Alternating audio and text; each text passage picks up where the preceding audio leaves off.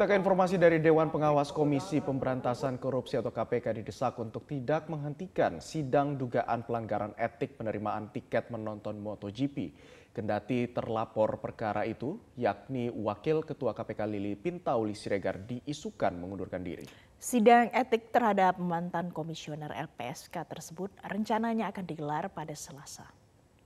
Kasus dugaan pelanggaran kode etik penerimaan tiket MotoGP Mandalika yang membelit Wakil Ketua KPK Lili Pintauli Siregar memasuki babak baru.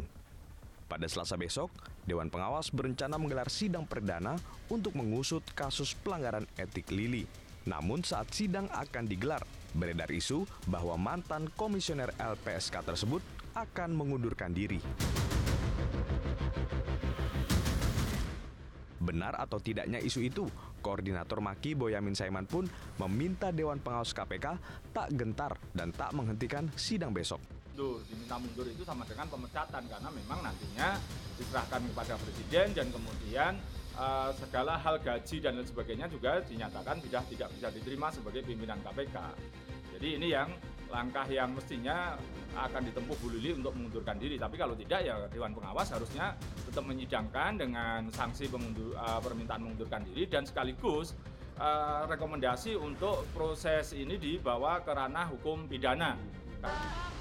Sejauh ini Dewan Pengawas KPK belum mau membeberkan keterlibatan Lili dalam kasus etik kali ini.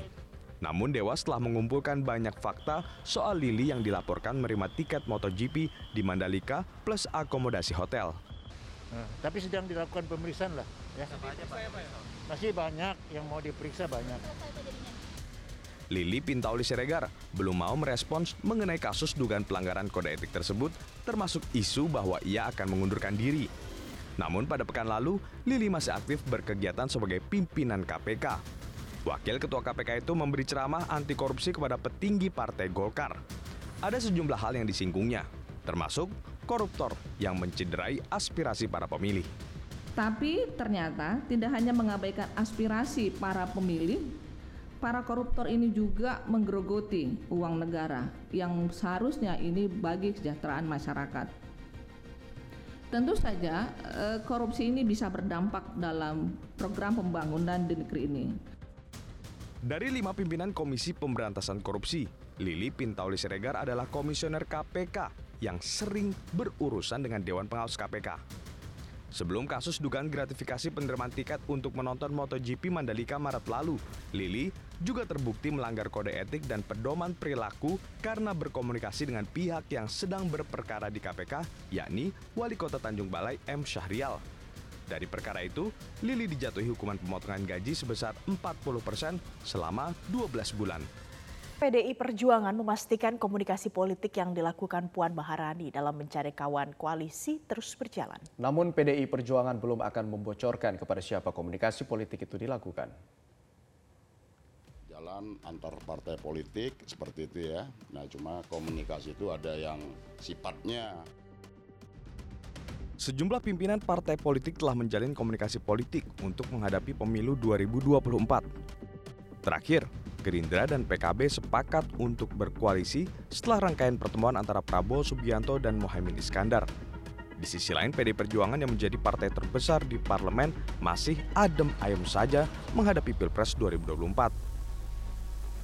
Politikus PD Perjuangan Masinton Pasaribu mengatakan, Ketua Umum PD Perjuangan Megawati Soekarno Putri telah menugaskan Puan Maharani yang juga Ketua DPP bidang politik untuk menjalin komunikasi dengan partai lain. Namun, ia masih merahasiakan partai politik mana yang akan diajak kerjasama.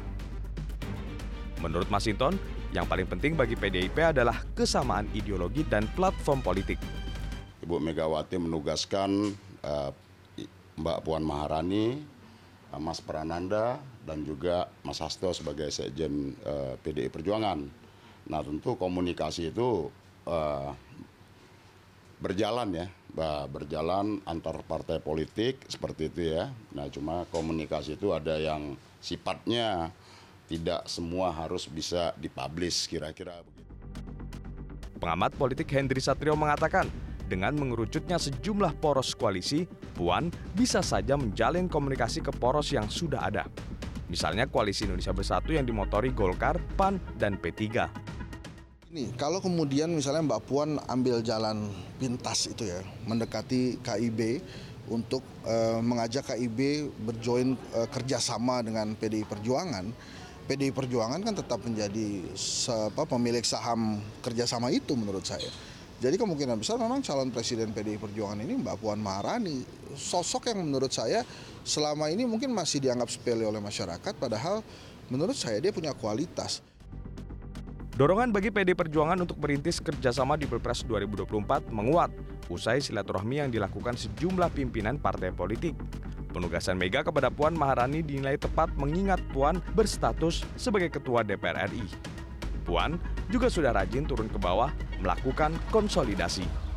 PDI Perjuangan mengklaim belum ajukan nama calon pengganti Menteri Pendayagunaan Aparatur Sipil Negara dan Reformasi Birokrasi Cahyo Kumolo yang pada Jumat kemarin meninggal dunia. PDIP pun menyerahkan sepenuhnya urusan menteri kepada Presiden Joko Widodo.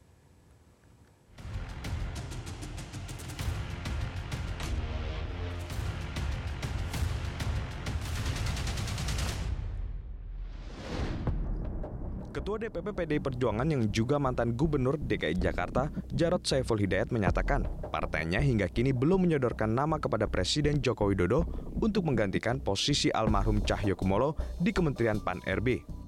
Ini dilakukan mengingat saat ini masih suasana berduka dan bela sungkawa kepada keluarga almarhum Cahyo Kumolo. Meski tak menampik pengganti Cahyo Kumolo menjadi jatah kader PD Perjuangan, namun Jarod menegaskan partainya tidak pernah meminta-minta porsi menteri sehingga siapa pun pengganti Cahyo Kumolo tetap menjadi hak prerogatif Presiden Jokowi untuk memilih dan menyerahkan sepenuhnya kepada Presiden. Jokowi itu juga kader dari PD Perjuangan gitu ya. Tetapi kita tidak pernah meminta-minta jatah ini jatah itu ya. Serahkan sepenuhnya kepada Pak Jokowi untuk kebaikan negeri ini supaya mereka semua ini para pembantu presiden itu betul-betul bisa bekerja keras ya untuk mewujudkan uh, visi misi Pak Jokowi dan membuat warisan ya warisan legasi yang baik uh, bagi bangsa kita ini termasuk di Kementerian Pan RB. Sementara itu, pakar komunikasi politik sekaligus pendiri lembaga survei kelompok diskusi dan kajian opini publik Indonesia atau Kedai Kopi, Hendri Satrio menyebut, Presiden akan memilih kader PDIP untuk menggantikan almarhum Cahyo Kumolo. Namun dengan kompetensi dan pengalaman mengurus ASN, terutama kader yang juga kepala daerah.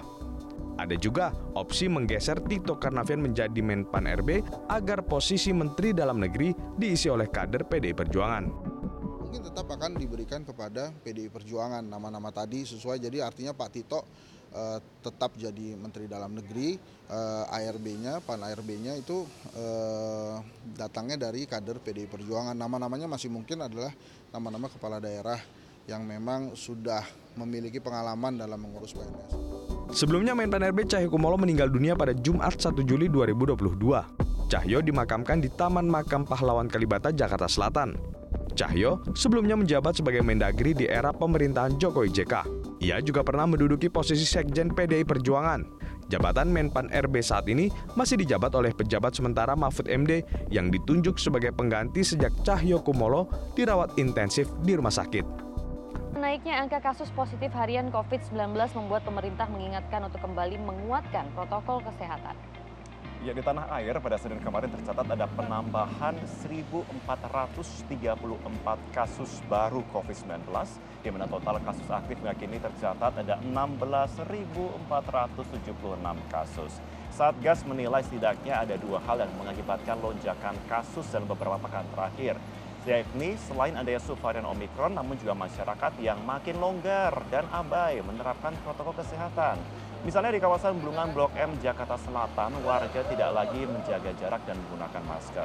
Padahal pemerintah kembali mengimbau masyarakat untuk kembali yuk terapkan protokol kesehatan agar penyebaran COVID-19 tidak semakin merebak dan segera terkendali kembali. Sementara itu Sandiaga Uno bersama dengan warga Kelurahan Pesanggerahan Jakarta Selatan memanen ratusan kilo ikan lele yang merupakan kelanjutan dari program yang dijalankan Rumah Sandi Uno Indonesia. Panen 337 kg ikan lele sebagai lanjutan dari program Juragan Lele Lalap yang dijalankan oleh Rumah Sandi Uno Indonesia bersama dengan Rumah Siap Kerja yang bertujuan meningkatkan ekonomi warga.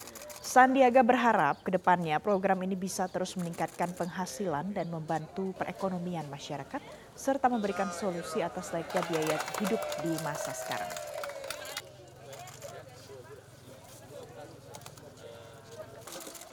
Lele ini apa, adalah 337 kg dari 95 ember.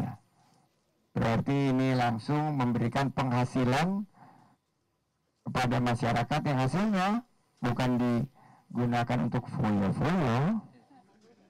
Jangan pada langsung belanja, jualan-jualan, tapi hasilnya kita sepakati semua untuk dibelikan bibit lele dan pakan serta untuk menambah penghasilan warga.